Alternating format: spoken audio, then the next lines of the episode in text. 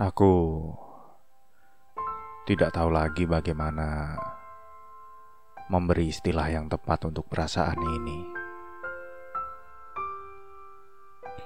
Semesta memang selalu saja mempertemukanku dengan hal yang tidak terduga. Unggahan foto mesramu dengan kekasihmu menyeruak di berandaku.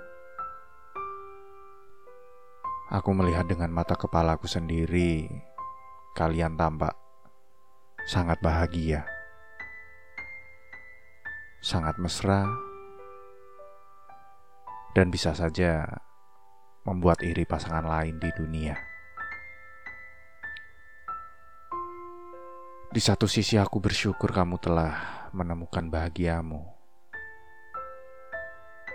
terpancar dari senyummu Sepertinya memang dialah yang selama ini kamu tunggu. Tapi di sisi lain, aku menyayangkan mengapa sosok di sebelahmu bukanlah aku. Sebenarnya apa pun yang kamu lakukan bukanlah lagi prioritas yang wajib untuk aku ketahui. Aku telah bisa mengusir dengan pelan-pelan rasa yang pernah ada di hatiku. Walaupun sekarang hidupku terasa hambar, tapi sepertinya inilah yang terbaik. Aku hanyalah ingin menempuh langkah baru Aku ingin kembali merengkuh hal-hal yang aku tunda selama konflik perihal patah hati. Dari semua itu aku belajar satu hal. Bahwa sekuat apa pun sesuatu diusahakan, urusan hati memang tidak bisa ditebak. Kemunculan fotomu hampir saja meruntuhkan segala pertahanan yang sudah aku bangun dari serangan patah hati. Melihatmu berdua bersamanya kembali menaikkan egoku. Aku merasa aku masih jauh lebih layak ketimbang kekasih barumu. Aku jauh lebih mengenalmu. Aku mengerti segala hal yang membuatmu bahagia.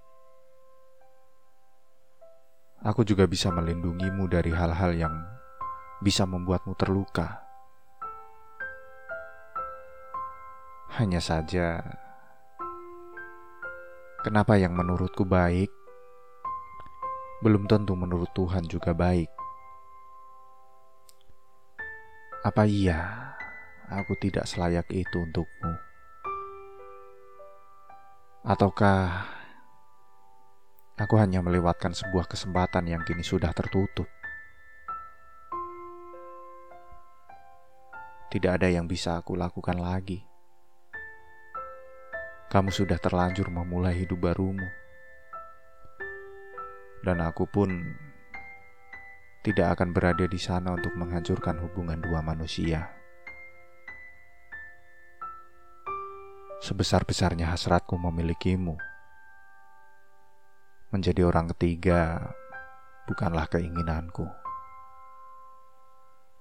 Aku lebih memilih melanjutkan langkah dan menemukan jalan hidup yang lain.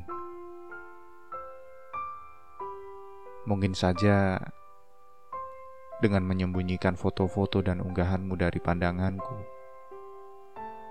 bisa membuatku lupa